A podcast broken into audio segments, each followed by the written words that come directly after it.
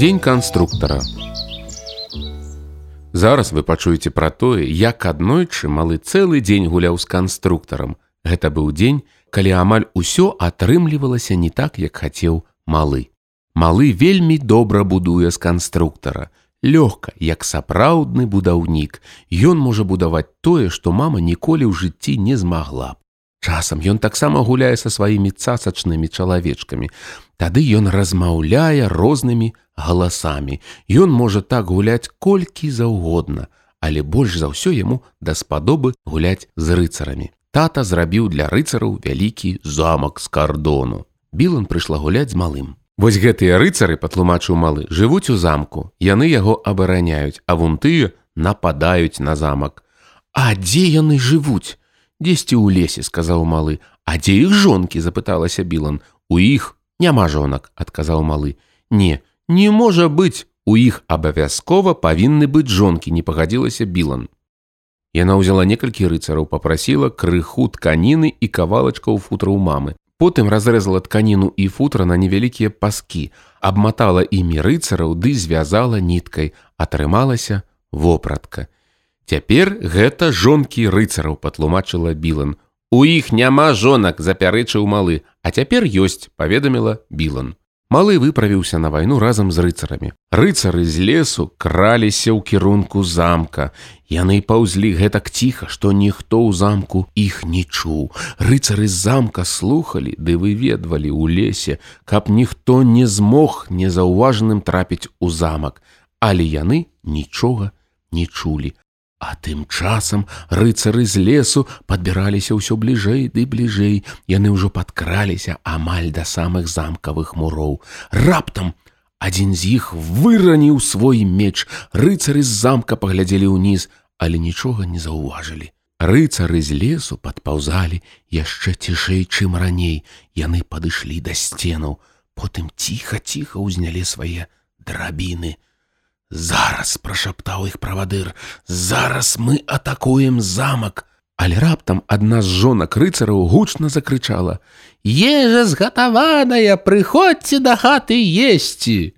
Што? — здзівіўся малы, Ежа готовая, прыходзьце да хаты есці. Ціха прашаптаў малы, яны не могуць прыйсці зараз, яны на вайне. Могуць, не згадзілася Білан. Яны могуць трохі адпачыць зараз час есці. На вайне нельга адпачываць, патлумачыў малы. Але можна зрабіць перапынак у вайне, калі мы захочам, удакладніла Білан. Тады малы пабачыў, што зрабіла Білан.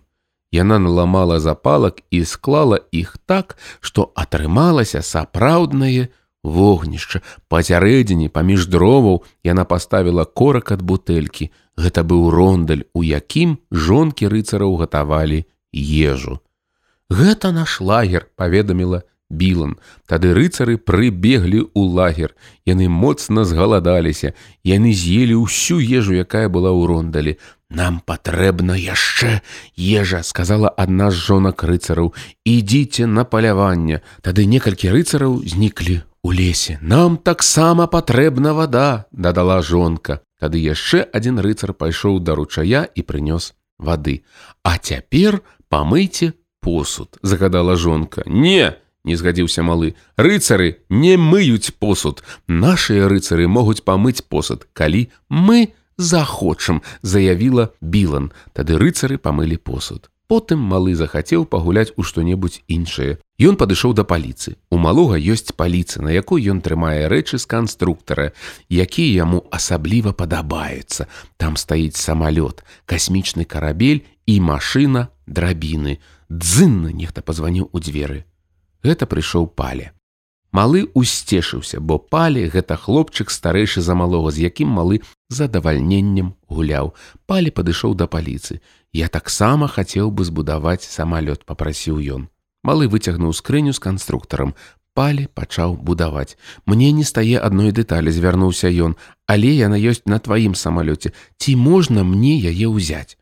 Малы паглядзеў на свой самалёт. Потым я вярну яе на месца, сказаў палі, абяцаю, тады бяры дазволіў малы хаця яму не надта хацелася праз хвіліну палю зноў спатрэбілася дэталь ад самалёта які стаяў на паліцы ён узяў таксама і яе Ты павінен на пачатку запытацца, нагадала Білан. Але я ўжо сказаў, што потым усё вярну на месца, адказаў паля. Ён яшчэ не дабудаваў свой самалёт, палі зноўку ўзяў некалькі дэталяў ад самалёта малога. Урэшце рэшт, той самалёт, які ў яго атрымаўся, не быў такім прыгожым, як у малога. Самалёт з паліцы быў увесь разабраны. Калі паля скончыў будаваць, ён паставіў свой самалёт на паліцы побач з самалётам малога. Я мяркую, што мой прыгажэйшы, пахваліўся ён.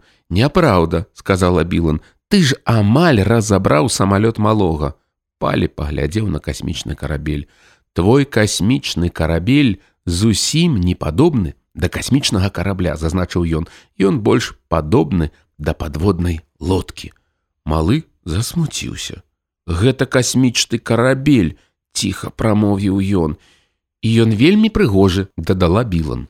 Пале ўзяў яго з паліцы. Я толькі памяняю адну рэч, не супыняўся ён. Малы больш не выглядаў засмучаным. Ён выглядаў раз'юшаным. Аддай мой касмічны карабель, запатрабаваў ён, пастаў яго на месца. Супакойся, малы, усклікнуў палі, я толькі хацеў дапамагчы табе. Мне не патрэбна дапамога, паведаміў малы. Тады палі ўзяў машыну. Яна выглядае вельмі дзіўна, пачаў крытыкаваць ён. Яна нагадвае драбіны. Я ведаю, сказаў малы, так і павінна быць. Гэта машына драбіны. Не можа быць, здзівіўся палі, такіх машын не бывае. Пастаў машыну на месца, папрасіў малы. Бэмсь, бом, крэх! Машына ўпала на падлогу і разляцелася на тысячу кавалкаў. Малы заплакаў. Што ты нарабіў? закрычала Білан ты пабіў машыну аб падлогу не апраўдываўся пале яна выслізнула ў мяне з рук Ён нахіліўся і падняў некалькі кавалкаў потым сабраў іх я збяру тваю машыну наноў паабяцаў ён ідзі да хаты попрасіў малы.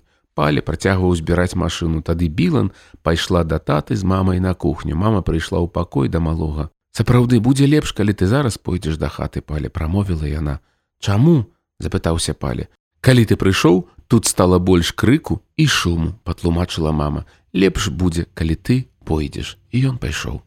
У пакой зайшоў тата. Дык ён пабіў машыну драбіны, сказаў тата: Шкада, яна была вельмі прыгожая. Яна выглядала дакладна, як тая машына драбіны, якую мы бачылі ў аэрапорце. Яна пад'язджае да вялікіх самалётаў. Малы перастаў плакаць, ён выцер слёзы з вачэй. Я збудую яе яшчэ раз вырашыў малы амаль такую ж як добра малы узрадавалася білам малы уладкаваўся на падлозе побач з кавалкамі канструктара ад машыны драбінаў зараз я пачну абвесці ў малы і ён пачаў будаваць малы быў злы ён так махаў руками што дэталі ад канструктара ляцелі ва ўсе бакі Ён прымацоўваў іх так, што яны грымелі, Ён будаваў хутка, а калі завяршыў, дык падняўся і паставіў машыну драбіны на паліцу. Потым малы ўзяў самалёт і прымацаваў тыя кавалкі, якія браў палі.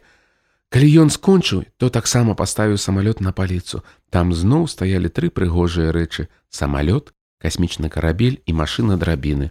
Увечары перад сном малы паказаў мядзведзіку касмічны карабель. Калі прыйшла мама пачытаць малому казку, яна не пабачыла мядзведзіка. А дзе ён? запыталася яна.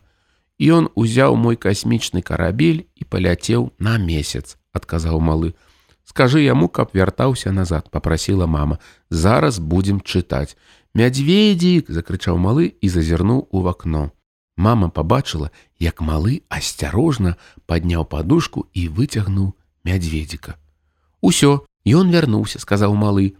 Як хутка ён лётае, здзівілася мама. Я ніколі раней не бачыла такога.